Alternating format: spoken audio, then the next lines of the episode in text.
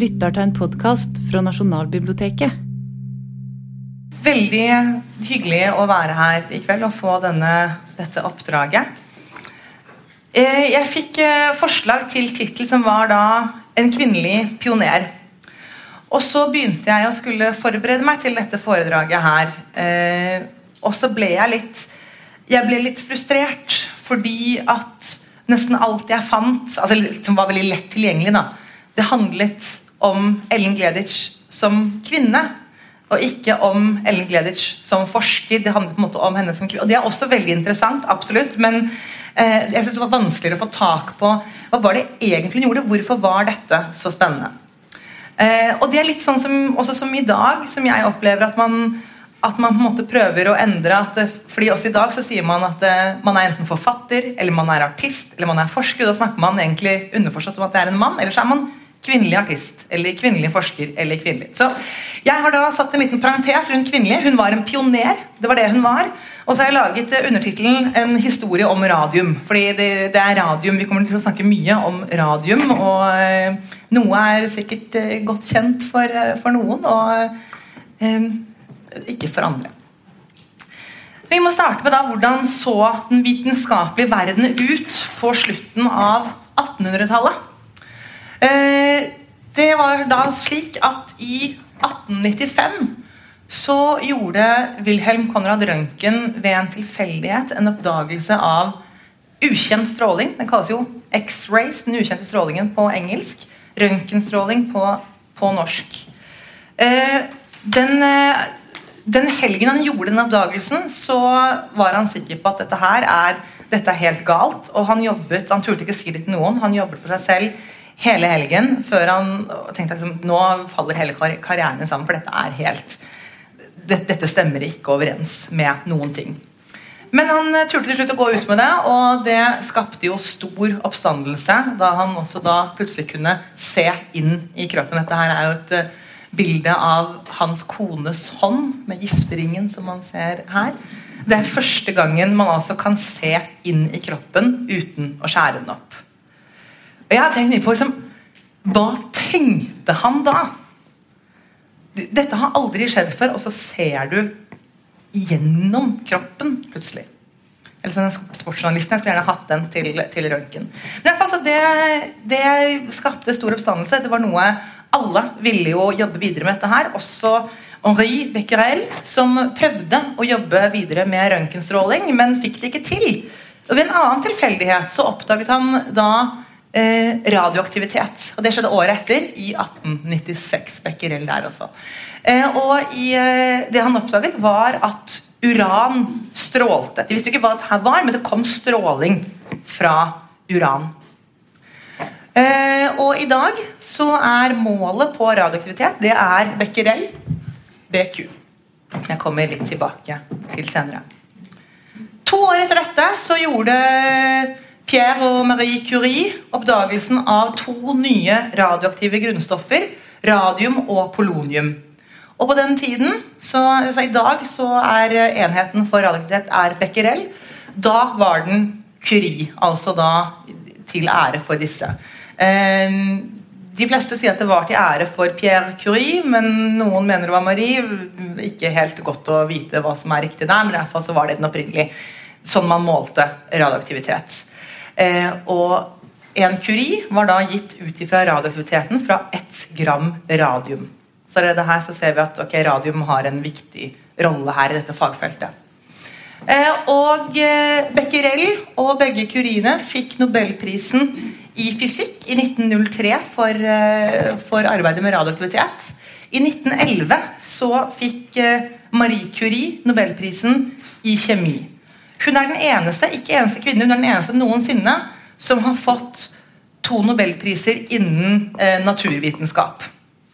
Så det er ingen andre som har klart å få to nobelpriser i naturvitenskap. Så fysikk og kjemi altså på Marie Curie. Og dette her er På denne tiden da det skjedde, det var slutten av 1800-tallet, altså, så hadde man Man visste at det fantes atomer. Atomer ble sett på som eh, De var endelige, de var konstante, de var elementære. Det var datidens elementærpartikler. Det fantes ikke noe mindre enn det. Det er derfor også du har elements, er jo det engelske ordet på grunnstoff. Kommer av at disse var elementære. Det var det aller mest grunnleggende.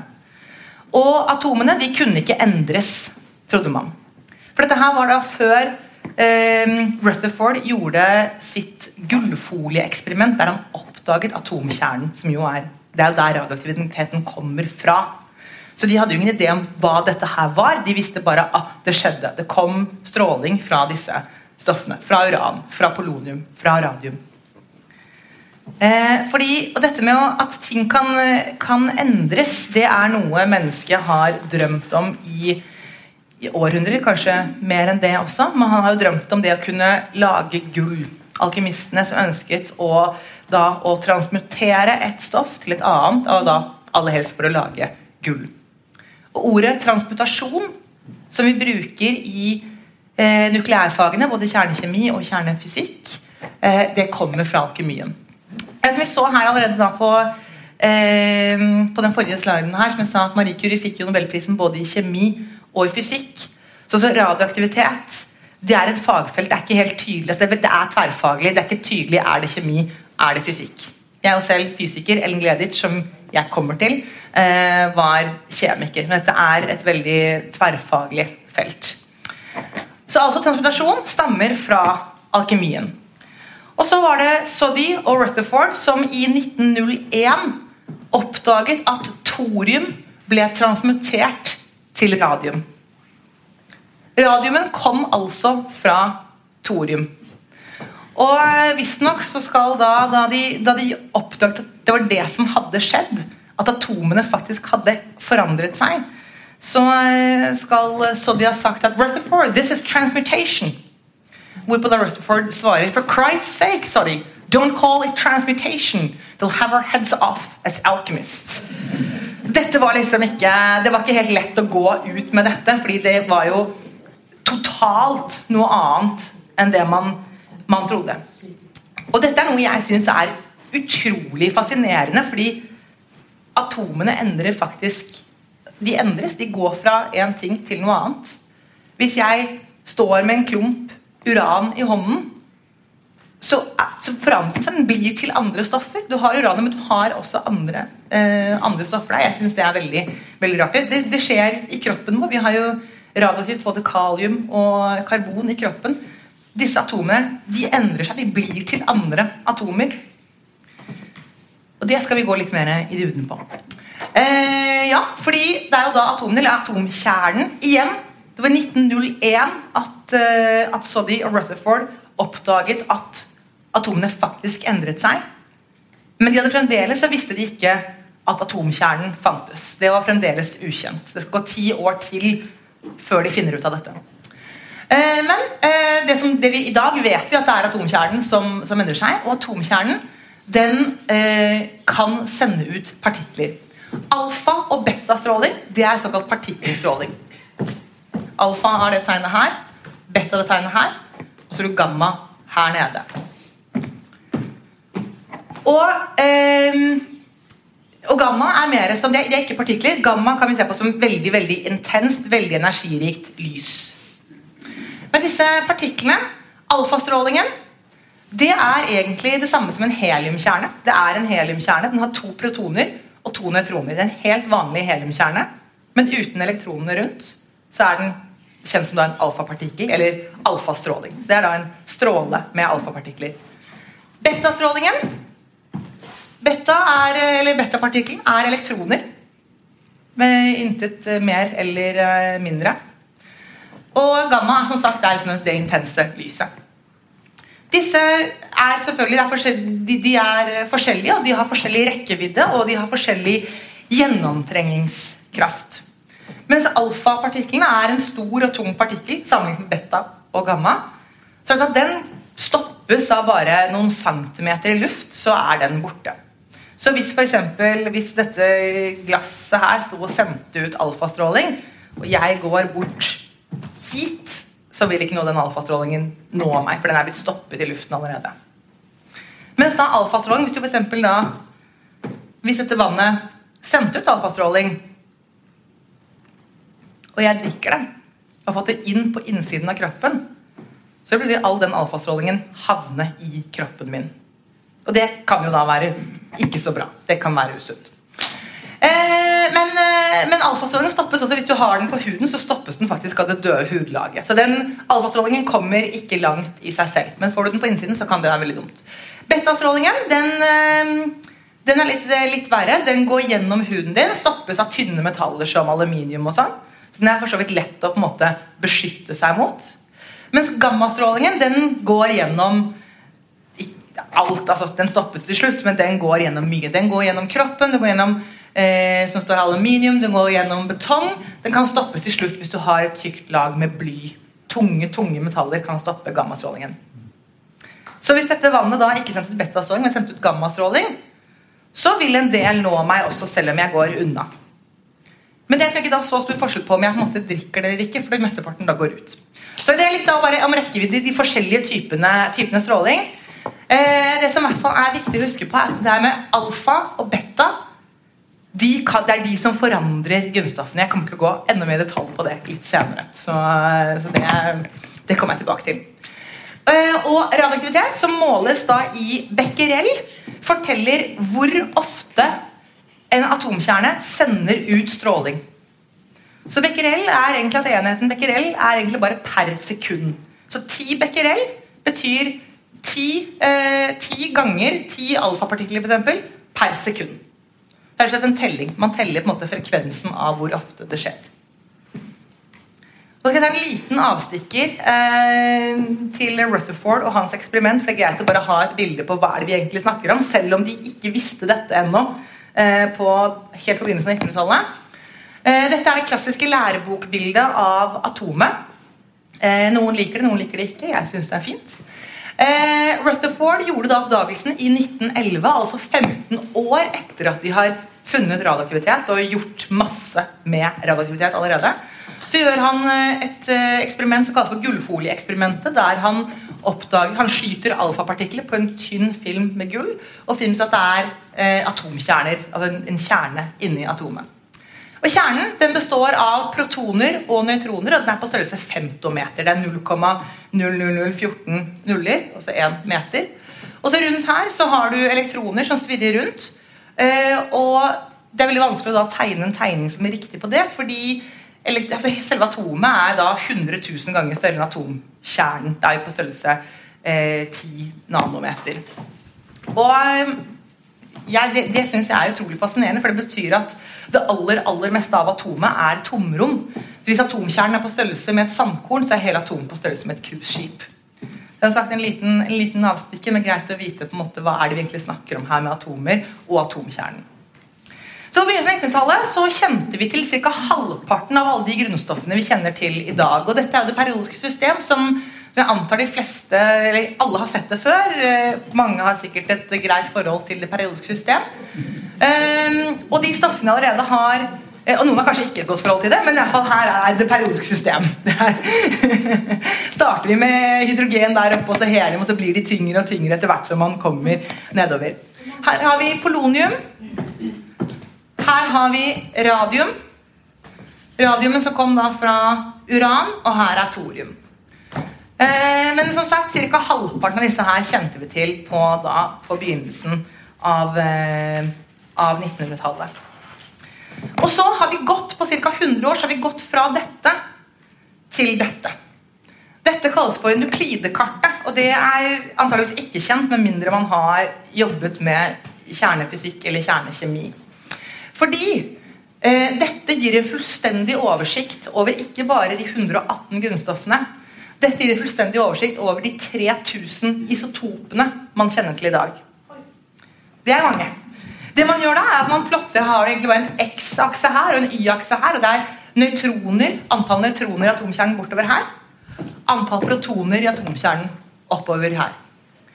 Og isotoper, det er altså forskjellige utgaver av et grunnstoff. For det er hvor mange protoner man har, forteller deg hvilket grunnstoff du har. Hvis du har seks protoner, så har du karbon. Hvis du har seks protoner og seks nøytroner, så har du det som kalles for karbon-12. Det er den mest vanligste formen for karbon. Vi består hovedsakelig av karbon-12. Men hvis du har seks protoner og åtte nøytroner, så er det fremdeles karbon fordi det er seks protoner. Men da er det karbon 14, som akkurat her har en ring over seg fordi det er radioaktivt. Eh, og Det som måtte bare nevnes i en bisetning, og som jeg heller ikke skal gå mer i dybden på, men, men Ellen Gleditsch hun bekreftet eksistensen av isotoper. Og Det var spesielt, for det gjorde hun så vidt jeg har forstått, før man kjente til nøytroner. Og det er jo fordi man har nøytroner i kjernen at man får forskjellige typer isotoper. Og hun bekreftet det, at det fins isotoper.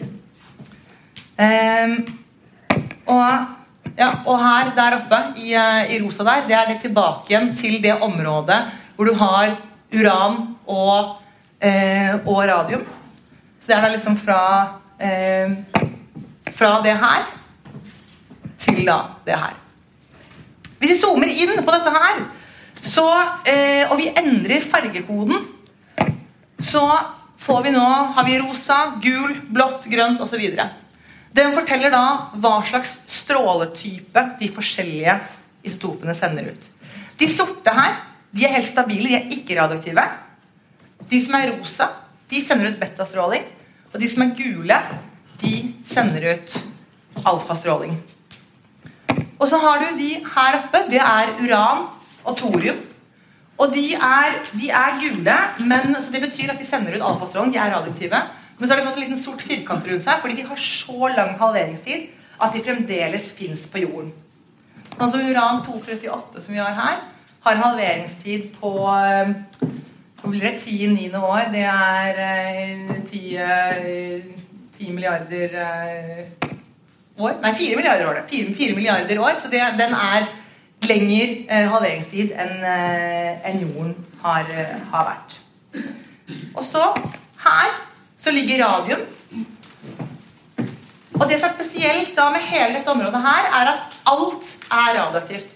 Alle de stoffene som ligger mellom her, mellom eh, eller altså med, med uran og thorium her, så er, eh, her er det bismut og bly.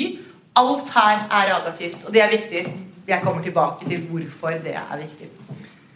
Det aller tyngste, stabile grunnstoffet man har, er bismut, som ligger der. Og hele rekken bortover der, det er bly. Vi skal holde oss da i det området med radium der. Fordi det var det Ellen Gleditsch jobbet med. Ellen Gleditsch ble født i 1879 og døde 88 år gammel i 1968. Hennes fagfelt var radioaktivitet eller radiokjemi. Eller kjernekjemi, som jeg har kalt det. Det er litt sånn Om du kaller det radiokjemi eller kjernekjemi, det er samme, samme greie, egentlig.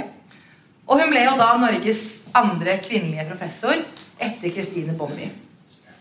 Veldig kort om henne så begynte hun eh, 18 år gammel så begynte hun i læra eh, på eh, Svaneapoteket i Mosjøen. Og Der tok hun først farmasøytisk medhjelpereksamen, og så tok hun apotekereksamen og fikk toppkarakter på det. Etter dette, i 1903, så begynte hun som assistent ved Kjemisk institutt ved Universitetet i Oslo. Som på den tiden da ikke er Universitetet i Oslo, men Det kongelige Fredriks universitet. Men jeg kommer til å kalle det UiO, fordi for enkelhets skyld. Da er det det universitetet vi snakker om. Universitetet her i byen. Eh, og samtidig som hun gjorde dette her, så, eh, samtidig som hun arbeidet ved laboratoriet, så tok hun eksamen artium og fortsatte da med forberedende prøve til universitetet. Og på denne tiden her, der snakker vi da begynnelsen av 1900-tallet, 1905, så uttalte hun at hun var at hun syntes det var veldig fascinerende med radioaktivitet. Og et sitat er at det stråler man ikke kunne se, virket like fullt.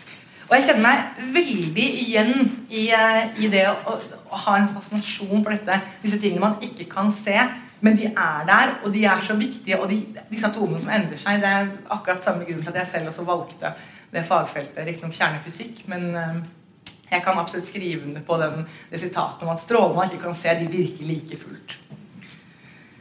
Radium var utrolig viktig, fordi radium det definerte hele dette fagfeltet. Fra radium så, man, så, så fant man eh, radioaktivitet. Man kunne regne ut stråledoser. Dessuten så var radium den eneste altså, Hvis man hadde da eh, en, en, klump med radium, eller en mengde radium, så var det den eneste måten man måte kunne bruke radioaktivitet til et eller annet. For det er først 40 år etter at radium var oppdaget, at man begynte å kunne lage kunstig fremstilte radioaktive isotoper. På den tiden så hadde man bare det som fantes, eh, fantes naturlig. Eh, og så definerte feltet, og dette her, den, det bildet her, det er en eh, det er glasstube med radiumklorid, som er da fra The US Bureau of Standards. Som da er the primary standard of radioactivity i 1927 i USA. Og akkurat de prøvene her de var da blitt kalibrert i 1913 mot da den internasjonale radiumstandarden som fantes selvfølgelig i Paris hos Marie Curie. Det var hun som satt på, satt på, liksom, på fasiten på, på, dette. Og eh, radium det er et sølvfarget metall, og det er tilsynelatende selvlysende. Mange kjenner sikkert til at man, for man malte jo klokker med, med radiomaling for å få dem til å eller for da fikk man ting som lyste i mørket. Men det er ikke radium selv som lyser. Det syns jeg er litt fascinerende. Men det er radioaktiviteten, for radium sender ut alfapartikler. Og de alfapartiklene får nitrogenatomene i luften til å lyse. Så hvis du har radium i vakuum, og du ikke har det der, så vil det ikke lyse. Men hvis du har radium liggende ute unnskyld, i, uh, hvor det er luft, så vil det se ut som det lyser. Fordi det altså får nitrogenatomene i luften til å lyse. Det syns jeg er en eh, litt sånn fascinerende, fascinerende fun fact. Og radium det fikk jo sitt uh, navn nettopp fra latin 'radius', som betyr stråle. Eh, radium blir i dag sett på, eller radium 226 for å være korrekt, blir i dag sett på som den aller mest toksiske av alle Eh, radioaktive stoffer som, eh, som fins. Og det var ganske tidlig at man fant ut at det var potensielt skadelig med, med radium.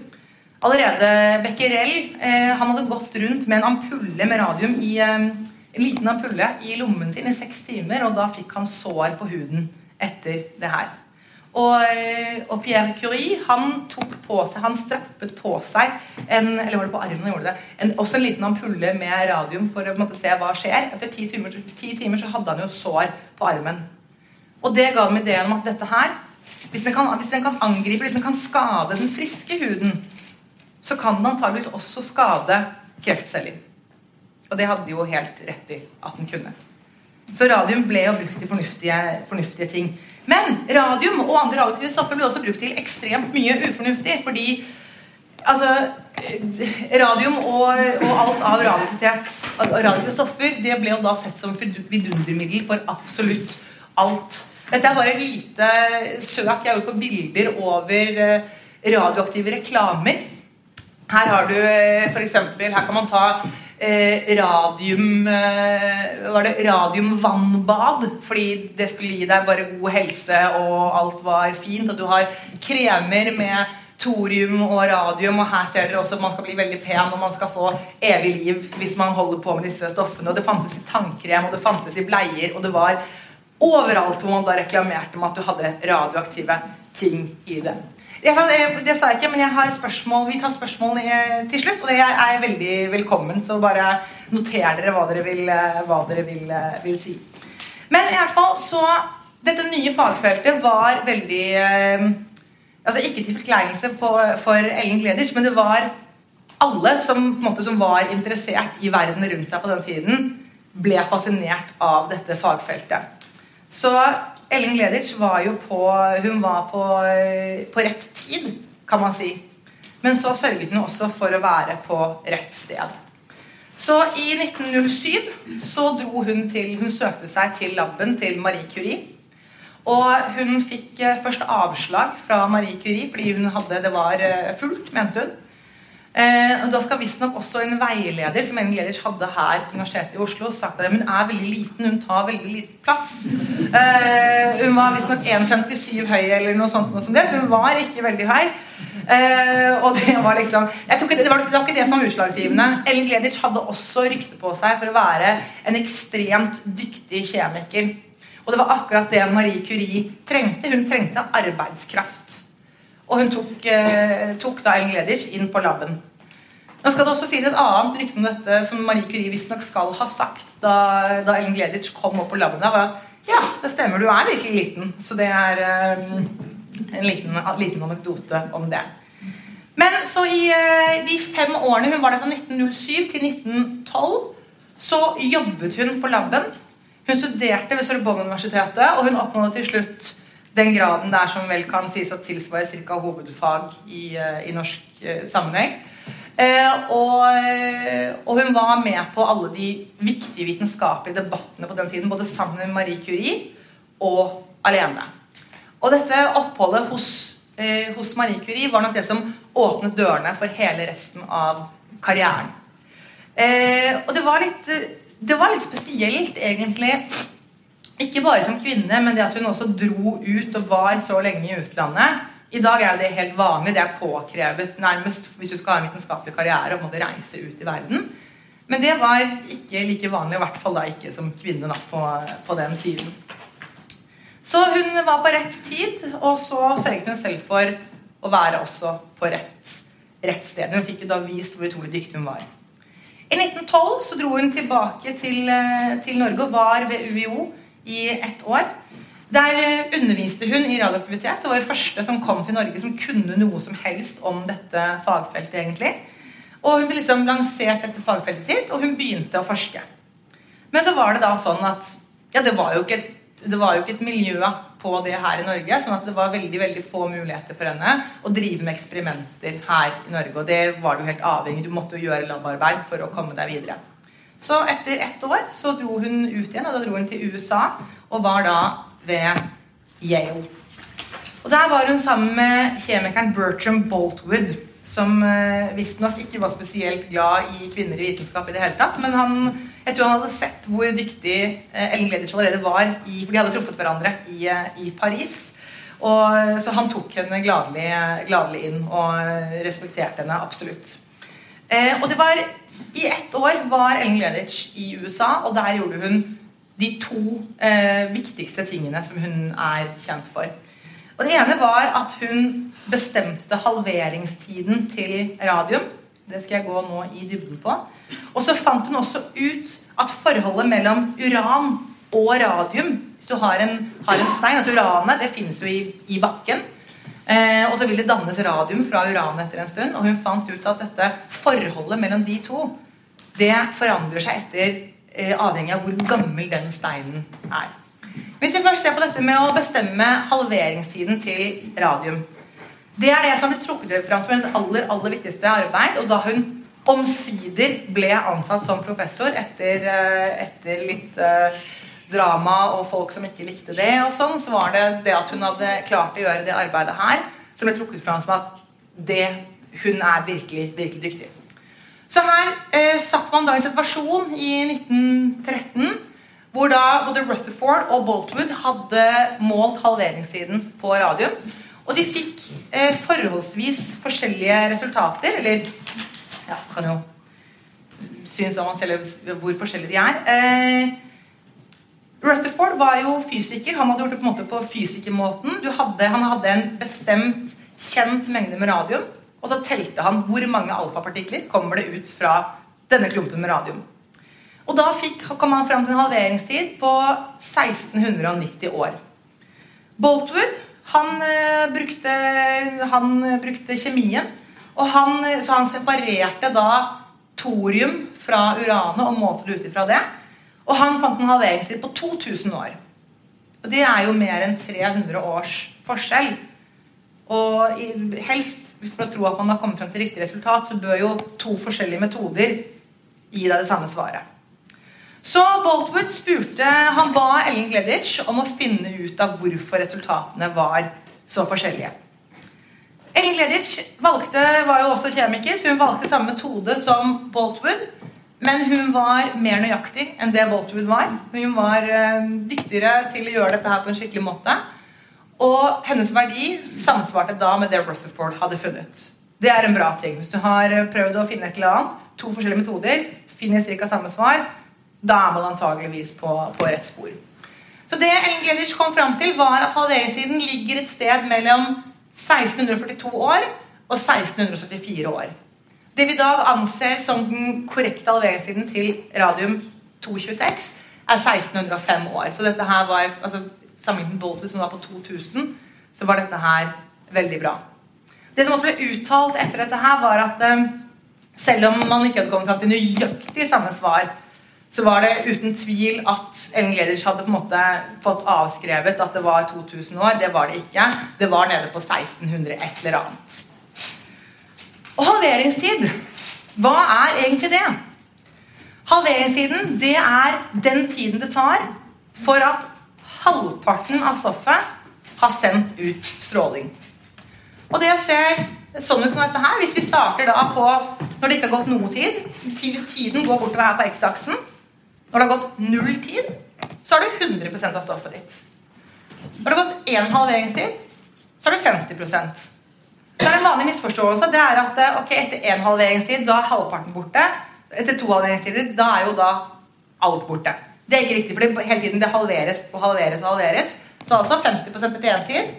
Etter to halveringstider så har man kommet til 25% Så blir det halvparten av det, og halvparten av det, halvparten av det, osv. bortover. Jeg har stoppet å plotte på syv. Det betyr ikke at det er borte etter syv halveringstider, men da er det veldig veldig lite igjen. så jeg har ikke plottet det lenger. Så Sånn ser det, og det er jo det som kalles for eksponentielt henfall. Den grafen der hvor det da blir halveres halveres. halveres. Og eh, hvis jeg ser på, går tilbake til dette med karbon 14 igjen, så er f.eks. da eh, halveringstiden til karbon 14 er 5730 år. Så det betyr jo da at etter 5730 år så er halvparten av det karbonet man hadde, borte. Etter 5730 år til så er halvparten av det borte igjen. Videre. Og så en liten da eh, ja, Karbon 14 det dannes i atmosfæren, og sånn kommer det inn i oss. Så vi har karbon 14 i oss, og radioaktiviteten i et voksent menneske på ca. 70 kg er da på 3080 becquerel. Så hvert eneste sekund så har vi 3080 karbon 14-kjerner i oss som sender ut sin stråling. Hvert eneste sekund mens vi lever. Det er en liten sånn uh, fun fact om det. Og så Vanligvis så er jeg ikke glad i å vise fram ligninger, men dette er liksom så helt grunnleggende. Men uh, hvis man ikke er med, så er det ikke, ikke, ingen krise allikevel. Men jeg har lyst til å vise det fram. Halveringstiden det skriver man som T, og så ligger sånn halv nede på, tiden, på, siden. Det er symbolet for halveringstid. Den er da avgjørende for alt i dette feltet. Her det kan man da for N står liksom for antall, antall gram eller antall atomer. Og N etter en eller annen tid vi vet, altså Ti sekunder, ett år, en tid som har gått. Spørsmålet er hvor mye har du igjen etter at det har gått en tid? Jo, ligningen for det er da at da må du si hvor mye hadde du startet? N0 kaller man det ved start. Ganget med en halv. Opphøyet i tiden som har gått, delt på halveringstiden. Hvis vi sier at f.eks. at eh, hvis halveringstiden er ti sekunder da sier jeg ok, etter ti sekunder, hvor, langt, hvor mye er borte da? Så får du ti delt på ti. Ti delt på ti er én. Da står det, da står det bare én her. Nei, da står det bare en halv. Unnskyld. Så altså, da har det gått én halveringstid, og da er halvparten borte. Hvis det da hadde gått 20 sekunder, så får du da, da har det gått to halveringstider osv. Jeg vil vite hvordan liksom, det her, den halveringstiden kommer inn i det å beregne hvor mye har du igjen, hvor lang tid tar det for alt er borte, osv. Og da har du den eh, grafen der igjen, og prøvd å illustrere at da med eh, forskjellige halveringstider Uran har jo en veldig lang halveringstid. Så tar det også lang tid før ting er borte. Radium har litt kortere halveringstid, så da går det fortere nedover. Så er det 1, 2, 3, 4 halveringstider osv. Men hvis den halveringstiden er kort, så går det jo fort nedover. Hvis den er veldig lang, så går det langsomt nedover. Og her er polonium. Polonium har 138 dager. Da går det veldig, veldig fort nedover. Og hvis noe er, hvis noe er veldig radioaktivt, så betyr det at det blir raskt borte. Det er en vanlig misforståelse å, å tenke det at Den hører jeg ofte i debatter hvor man snakker om, eh, om eh, avfall fra kjernekraft, f.eks. Og så sier man at å, men dette her har 100 000 års halveringstid. Det er veldig veldig farlig, for det har så lang halveringstid. Men for oss som mennesker så er det en tommelfingerregel er at det er de med veldig kort halveringstid som er farlig. For det er de som er veldig veldig radioaktive. Så jo lengre halveringstid noe har, jo mindre radioaktivt er det. Og det er nemlig da Sånn får man da radioaktiviteten av hvor radioaktivt er noe. Jo, det er dette tallet. 0,69. Eller for de som er da matematikere eller fysikere, så er det LN2. Det er ikke akkurat 0,69, men jeg har kalt det 0,69 bare sånn for å få det riktig. Det er 0,69 delt på halveringstiden ganget med det du, hvor mange atomer du har. Det er sånn du regner halveringstiden.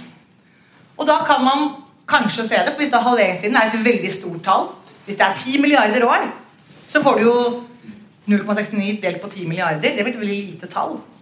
Men hvis halveringstiden er et halvt sekund, så får du jo en veldig mye høyere radioaktivitet.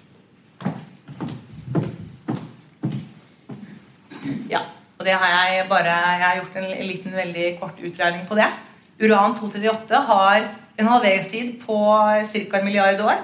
Det er det samme som 10 i 16. sekunder. Man må regne i sekunder.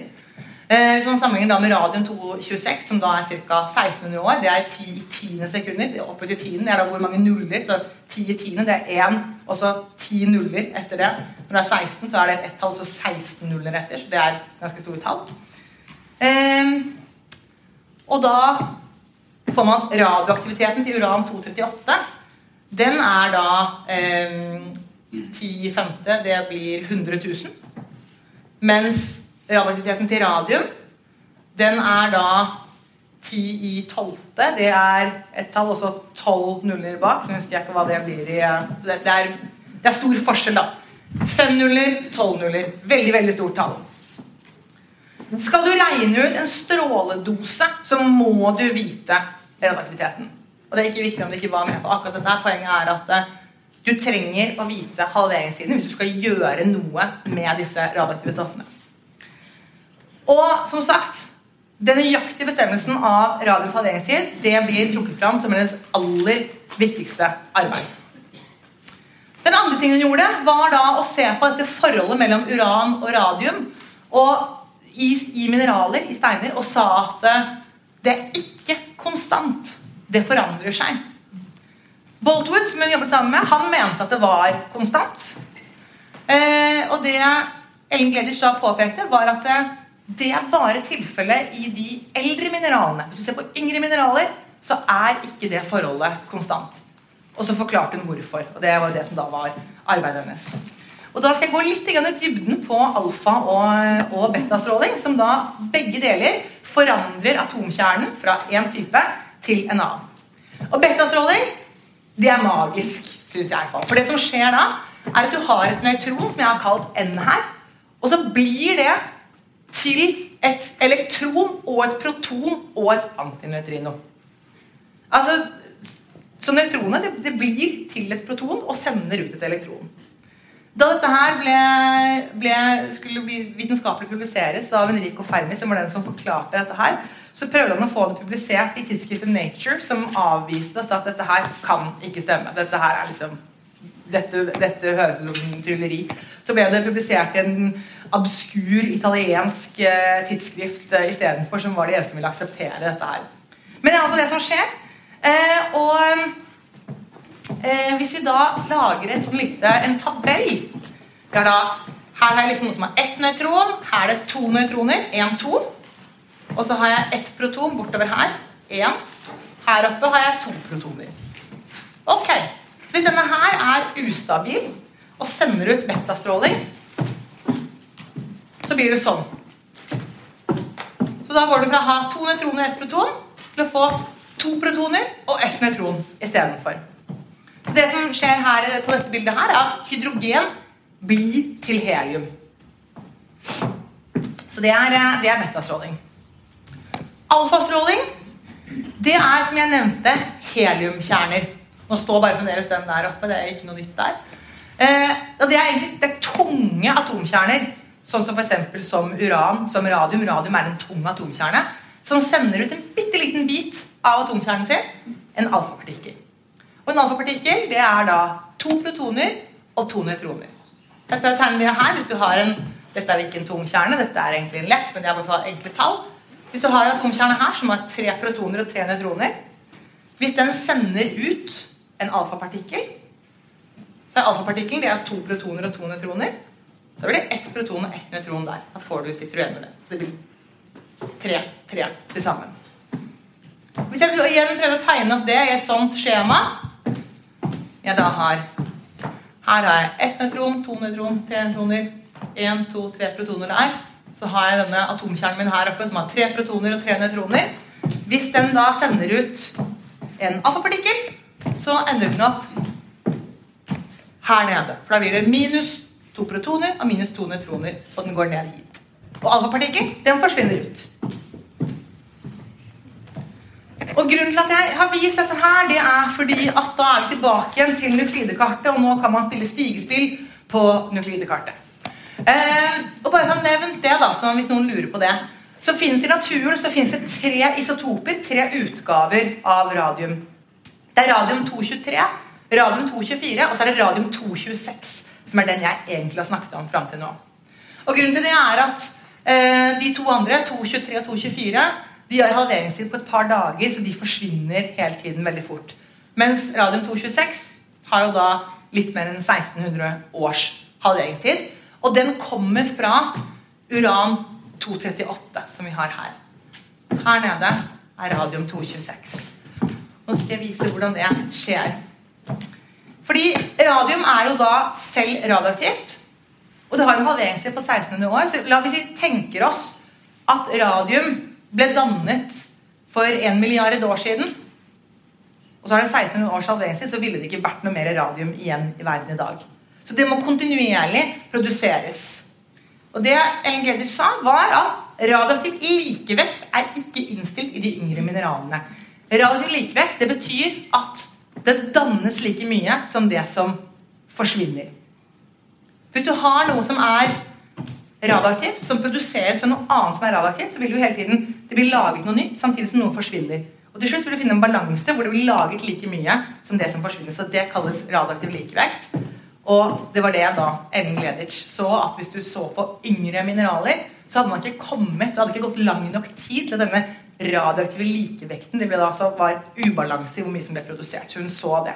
Og sånn kunne man også begynne da å datere bergarter og se hvor gamle er disse bergartene egentlig? Det er også ganske interessant når man så, på en måte går på, i en tid hvor det ikke er så lenge til man begynner å på en måte se på ok, er, det, er jorden 6000 år gammel, eller altså, hvor gammel er jorden? Og så får man liksom datert bergarter til å være flere hundre millioner år gamle. For eksempel. så det er ganske viktig arbeid også i den, det å på en måte se verden på en ny måte. Men altså, radio produseres fra uran 238. Det er gult. Det betyr at da sender den en alfapartikkel, og da går den ned sånn til thorium 234.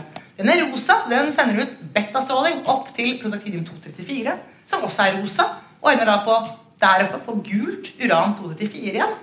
Og den er gul, så den sender ut alfastråling og ender på thorium 230, som sender ut alfastråling og ender på radium 226. Og dette var også et stort spørsmål på den tiden. Hvor kommer radiumet fra? Og dette er jo da svaret på hvor kommer radiumet fra. Så når vi har kommet så langt at det begynner å bli lite uran igjen på jorden, så kommer etter hvert alle disse andre radiostoffene også til å forsvinne. For de kommer jo fra uranet der. Eh, og det også, nå skal jeg bare vise da, Det Ellen klarte å gjøre, som gjorde at hun klarte å bestemme halveringstiden til radium Hun klarte nemlig å isolere thorium-230 kjemisk isolere det, slik at det ikke da ble produsert masse nye ting her. Da hadde fått isolert det helt, helt nøyaktig, så kunne hun da finne liksom, produksjonen av radium. Hvis du ikke klarer det, du har rester av uraner og rester av andre ting, så vil du hele tiden få produsert mer, og da blir det veldig vanskelig å finne en nøyaktig halveringstid. Som antakelig er svar på hvorfor Boltwood da fikk en eh, lengre halveringstid enn det Rutherford fikk, og som Ellen fikk, og som vi i dag vet er, er svaret. Så i 1914 så kom hun tilbake til Norge igjen. Og nå var det mer for godt i den forstand at liksom, hun var ferdig med de, de lengre, viktige oppholdene som i hvert fall er kjent ute. Og så var det sånn at det var faktisk på den tiden så var det flere som jobbet for at Ellen Gleder skulle bli ansatt på universitetet. For man så at hun satt med en helt spesiell kunnskap som vi trengte i Norge. Så bl.a. Christian Birkeland og flere andre da, mannlige professorer De jobbet veldig hardt for at det skulle bli opprettet et eh, såkalt dosentur til, eh, til Ellen Gleditsch i radiokjemi. Og det var alle enig Det var en kjempegod idé. Så i 1916 så ble hun ansatt som dosent, som er mer en lærerstilling universitetet. Eh, og det hun drev med av forskning både da og i hele resten av karrieren, det var knyttet opp mot geologisk forskning. Som da kanskje kan da skjønne at man kan som jeg har sagt nå, at man kan se på hvor, hvor dette, disse forholdene mellom forskjellige radioaktive isotoper kan si oss noe da om hvor gamle ting er. Og her er enda mer av nuklidekartet. Jeg elsker nuklidekartet. Eh, radium er nå helt der oppe, og så har vi gått enda litt lenger ned, og så er vi bly her nede. Og bly er også viktig, fordi bly er sort. Så det er stabilt. Og Det betyr at det, det er liksom det enden på visa, og det er dit det her i bly du til slutt ender opp. Og det hun også klarte å vise, var at så, så jeg får si det, så bly, det ender opp i bly, så alt dette her som driver og fra radioen som driver og faller ned og til slutt henfaller ned til bly det vil si at her kommer det jo stadig mer det er produsert mer og mer nytt bly i verden. Og så er det sånn at eh, radium 226 den ender vel opp i bly 206 er vel den stabile som den ender opp i til slutt. Så det vil jo da bli mer og mer av den. Så dette endrer seg fremdeles. Og det klarte hun også å eh, se at den, det som kalles den isotopiske sammensetningen er konstant, eller har vært konstant omtrent siden jorden ble dannet. Bortsett fra i bly. For i bly så blir det hele tiden produsert mer nytt. Og så blir det produsert mer av 206 enn 208. Og dermed så vil det dermed er det forholdet i endring. Men i resten av det periodiske system så er liksom forholdet mellom de forskjellige isotopene det er konstant. Og det klarte hun å vise. Um, og så Jo, en annen ting hun også viste, var, uh, som jeg synes er veldig fascinerende, som jeg bare skal nevne i en setning, var hun også klarte og Hun hadde publisert en artikkel der hun så på kalium-40 og viste sammen med en ungarsk forsker at kalium-40 står for 20% av varmeproduksjonen i vulkanske bergarter. Så Det er også en helt ny forståelse av, liksom, av verden og hvordan, hvordan, verden henger sammen. Og så bare Hvis noen lurer på hvor radongass kommer fra, så jeg bare ringet ut den her. Radongass den dannes fra radium. Så hvis noen har hatt problemer med radongass, så er det radium som er grunnen til at du får radongass. I 1929 så ble Ellen Gleditsch professor ved Universitetet i Oslo. Eh, og det som skjedde, var at det var da, som det ofte er, en eldre professor som skulle gå av, og så skal denne erstattes. Og Ellen Gleditsch ville gjerne ha dette professoratet. Og hun hadde liksom søkt på det, og hun hadde veldig mange støttespillere i utlandet. Hun hadde jo vært mye i utlandet. Men hun hadde veldig få i Norge. De som hadde støttet henne, og som gjerne ville at hun skulle bli ansatt som dosent, de hadde enten gått av person eller var døde. Og Heinrich Goldschmidt, som var da professor, han som gikk av, han ville heller at hans etterførsel skulle være Odd Hassel. Odd Hassel ble, ble, også professor, og han fikk nobelprisen, så han, øh, han bør være fornøyd. Men øh, det var øh, det var Ellen Gleditsch som fikk det professoratet foran Odd Hassel. Visstnok så skal Odd Hassel aldri helt ha kommet over det, og likte aldri helt det at Ellen Gleditsch fikk da den, den stillingen. Jeg bare tenker at bare det i seg selv, og da være kvinne på den tiden, å få en sånn stilling, sier noe om hvor utrolig god du er. For det var ikke noe du fikk bare fordi noen skulle være grei mot deg. Da måtte du bevise enormt mye for å få til det. Eh, og, men det skapte stor debatt da, da med, denne, med, denne, søknaden hennes. Og i, da, i, i, fagkomiteen som da skal rangere hvem er den beste søkeren, der mente de fleste at Ellen Gleders var den beste søkeren. Så i utlandet så var man liksom stort sett enig om at det var hun som var den beste faglige kandidaten. Men det tok godt over et år, og det ble, det ble debatt og i media. Og, og det var ikke greit. Men til slutt så ble hun faktisk enstemmig valgt allikevel. Så etter lang tid så var det hun som da fikk den, den stillingen. Og hun var professor til 1946, hvor hun da gikk av med pensjon. eller var, da, da, var hun over den alderen. Hun fikk lov til å fortsette å jobbe med det. Det hun fortsatte med resten av livet, var at hun holdt kontakt med kolleger i utlandet, var veldig internasjonal. Men da hun reiste ut til Paris i begynnelsen, så Hun var ikke den eneste som reiste til utlandet, men hun var fra starten av en internasjonal forsker. Og så liksom I dag så tar vi det som en selvfølge, i hvert fall i naturvitenskapen, at man, man reiser rundt i verden, man har kolleger over hele verden. Men hun var en pioner i så måte også med dette å dra ut og være internasjonal. Som da nesten holdt på å koste henne stillingen i utgangspunktet, men hun gjorde det. Det var jo helt riktig, det hun gjorde. Og ja, jeg har skrevet dette 'Appreciated abroad, depreciated at home'. Det var tittelen på en, en, artikkel som jeg leste i forbindelse med denne artikkelen her. Så den tittelen sa egentlig veldig mye og oppsummerte mye om på en måte, hvordan det var da hun skulle bli ansatt i denne stillingen. Da. Fordi hun var jo åpenbart dyktig. Det at hun holdt den kontakten med utlandet, gjorde jo da også en annen viktig ting for, eh, for Norge. Fordi eh, i 1916 så ønsket man å lage et eh, kreftsykehus i Norge. Radiumhospitalet. Og kanskje alle har tenkt på det, eller kanskje ikke. Det er en grunn til at Radiumhospitalet heter Radiumhospitalet. Og, eh, og man eh, bygget, eller man laget en pengeinnsamling eh, for å samle inn penger til å kjøpe radium, slik at vi kunne få stråleterapi i Norge. Målet var å samle inn 1 million kroner. Og de klarte å samle inn 2,5 million kroner i, da, i 1916. Og Ellen Gleditsch hun dro personlig til Marie Curie og kjøpte det, tok med seg da, kjøpte det aller første radiumet som kom til Norge, og som da ga oss stråleterapi til hvert fall ut på 30-tallet. Og eh, det som, det som, skjer med Nå har sagt veldig mye om det, jeg har nevnt flere ganger at radium sender ut alfastråling. Men siden radium helt opp i hjørnet der igjen, den blir jo da til Det kalles for radioaktive døtre, som har noe radioaktivt, som blir til noe annet radioaktivt, som blir til noe annet radioaktivt. Så er det en, sånn, da er det en serie av døtre, radioaktive døtre. Så radium og hennes radioaktive døtre til sammen så sender de også ut gammastråling. Og den gammastrålingen, det var det man brukte til å da bestråle kreft med.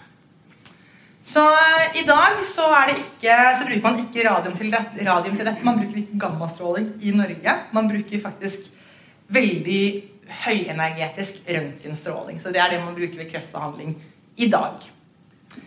Så, men det var også da Ellen Gleditsch som, som fikk det til Norge. kan man si, Det hadde jo sikkert skjedd til slutt uansett. Men det var hun som gjorde det i 1916. Og det var jo også mye pga. det. Det internasjonale forholdet hun hadde. Og bare sånn kort, så I dag så eh, er nok det det forholdet flest kanskje ikke tenker over, men det forholdet like folk flest har til eh, de, altså kjernekjemi, kjernefysikkfagene, er jo da det som kalles nukleærmedisin. Og Her er bare tre bilder. Stråleterapien der oppe. Hvis man har tatt et røntgenbilde, så er det også kjernefysikk og kjernekjemi i praksis, eller CT, hvor man får de fantastiske tredimensjonale bildene. Man har kommet et godt stykke siden den hånden til kona til røntgen, og da de bildene du har i dag, hvor du kan lage fantastiske bilder av innsiden av kroppen. Eller her PET, positron, elektrontomografi, hvor man kan få en svulst eller noe til å lyse opp, sånn som det. Så nukleærmedisinen er jo enormt viktig. Så oppsummert om Ellen Gleditsch. I én setning så ble hun Norges andre kvinnelige professor. Hun bestemte halveringstiden til radium. Og hun tok radioaktivitet til landet. Både som fagfelt og i direkte ved at hun jo tok radium til, til landet. Så det gjorde hun. Eh, radium det var det som definerte fagfeltet. og det er viktig i alle anvendelser av radioaktivitet da. Eh, og da viste halveringen til radium. Og hun ja, importerte første radiumet til Radiumhospitalet. Videre så drev hun da med forskning som var på geologiske anvendelser av radioaktivitet. Hun så at yngre mineraler har ikke oppnådd relativt likevekt, og dermed kan du si noe om alderen deres. Og hun fant dette at kalium-40 bidrar med 20% av varme vulkanske bergarter. Hun var en pioner. Både i hvordan man driver med forskning, dette med det internasjonale som hun holdt på med, og hun var selvfølgelig også en pioner som, som kvinne. Dette er min siste, siste slide nå. Skal bare si det at um, jeg har som sagt valgt å, å Jeg har nesten ikke snakket om henne som, måte, som person og det som går på samtiden, som jo er kjempe, kjempespennende. Men eh, det, for det som også er interessant, er at de kvinnelige pionerene i akademia var realister.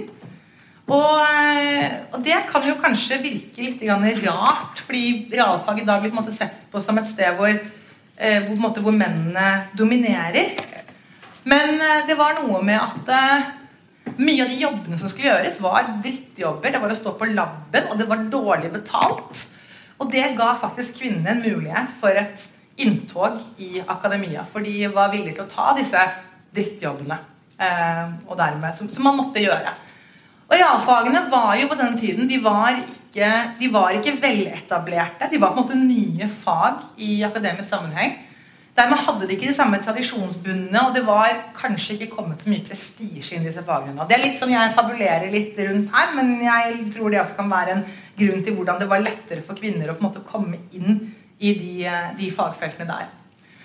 Og der er Ellen Gleditsch øverst. Så har vi selvfølgelig Kristine Bonnevie, som var biolog, og hun var jo den første kvinnelige professoren. Og så har jeg bare trukket fram to andre, to andre her. som var, Ingen av dem var professorer, men de var så tidlig ute. Dette er Tekla Resvold, som var botaniker. Hun eh, er da på Dette er det første kjente bildet av en kvinne i bukser uten skjørt over og så klippet håret sitt kort. Uh, hun var gift med den mannen så hun fikk barn. Og, men så hun var jo ekstremt radikal på, på den tiden. Ja, det er veldig fint dette bildet her av eh, Hanna Resvold Holmsen som det dette bildet er faktisk en selfie. Hun har tatt bilde av seg selv med selvutløseren. Hun er denne sommeren 1907. Så er hun på Svalbard alene med gevær og kamera, plantepresse og botanikassen sin. De var enormt tøffe, så det at jeg har valgt å fokusere på liksom halveringstid og radium her, er ikke noe om at denne, denne historien om de kvinnelige pionerene i akademia ikke er interessant, fordi det er den i aller høyeste grad. Men jeg tror den er litt lettere, den er litt mer tilgjengelig å lese seg til på egen hånd også enn kanskje halveringstid og, og sånne ting. Og dermed vil jeg også da bare anbefale for videre lesing eh, Anette Lykkenes på NTNU. Hun har skrevet mye om Ellen Gleditsch. Der er det veldig, Også med masse masse referanser, som man kan måtte bla seg videre og gå videre i det mer populære til det mer virkelig akademiske. Så anbefaler jeg også MUV, Museet for universitets- og vitenskapshistorie ved Universitetet i Oslo, som har, et, hatt et helt prosjekt som heter Reale damer. Hvor de snakker masse om ikke bare om Ellen Gleders, men alle disse nemlig kvinnelige pionerene i, eh, i, akademia. Jeg skal avslutte bare lese noen bare utdrag fra dette som handler om kvin de kvinnelige pionerene. Eh, Cecilie Thoresen var første kvinne som tok artium i Norge i 1882. Mange kjenner til henne. De som fulgte tett etter, er imidlertid ganske glemt, men deres vei til Artium var også et stykke pionerarbeide. Disse var Marie Gelmyden i 1883, Alette Hansen og Laura Rømke i 1884, Anna Bugge, Minda Ramm, Louise Kvam og Marie Holst i 1885. De måtte alle gå som privatister, noe som var en dyr fornøyelse. Gundersen skole i Oslo og Trondheims katedralskole var først ute med å få kvinnelige studenter hver i 1888. Tross oppfatninger om at realfag egner seg best for menn, var det før 1930 kun innen disse fagene at kvinnene fikk vitenskapelige stillinger ved universitetene. Vår første kvinnelige professor, Kristine Bonnevie, blir husket. De aller fleste pionerkvinnene er glemt i dag. Prosjektet Reale damer finner dokumentasjon om disse kvinnene. Reale damer skapte det samarbeid med Universitetsbiblioteket, og prosjektleder er seniorrådgiver Anette Mette Wibe. Og historien om kvinnene formidles etter hvert som vi får ny kunnskap. Så jeg anbefaler absolutt man er interessert å søke opp dette på, på nettsidene. Der ligger det masse, masse stoff. I perioden 1900 til 1921 ble elleve kvinner ansatt i fast vitenskapelig stilling. Ikke da professor, men andre typer vitenskapelige stillinger. Alle innen realfag, men ikke alle fagene er representert. Matematikk, astronomi og fysikk glimrer med sitt fravær. Innen fysikk ble for øvrig første norske kvinne ansatt i professorat i 1988. Hun er fremdeles Universitetet i Oslo, og henne har jeg hatt forelesninger med. Astrofysikk har fått sin første fast vitenskapelige ansatte kvinne helt nylig. Da Sømme disputerte som en annen kvinne Dette er det siste jeg skal bare fortelle dere nå. Da hun disputerte doktorgraden, så ble hun spurt hvorfor arbeidet hadde tatt så lang tid. Hun svarte da hun hadde hatt annet å gjøre. Det var i all enkelthet at hun nettopp hadde fått et barn, og selv måtte betale sin vikar i to måneder. Så hun var da heldig, for hun fikk lov til å ta to måneder permisjon uten lønn, og hun måtte betale for vikaren som var der i mellomtiden. Men hun var spurt hvorfor ting tok så lang tid. Og hun var en av de aller tidligste vitenskapelige mødre ved universitetet. Og da håper jeg at uh, det har vært noe å ta med seg på dette foredraget. Så jeg takk for oppmerksomheten.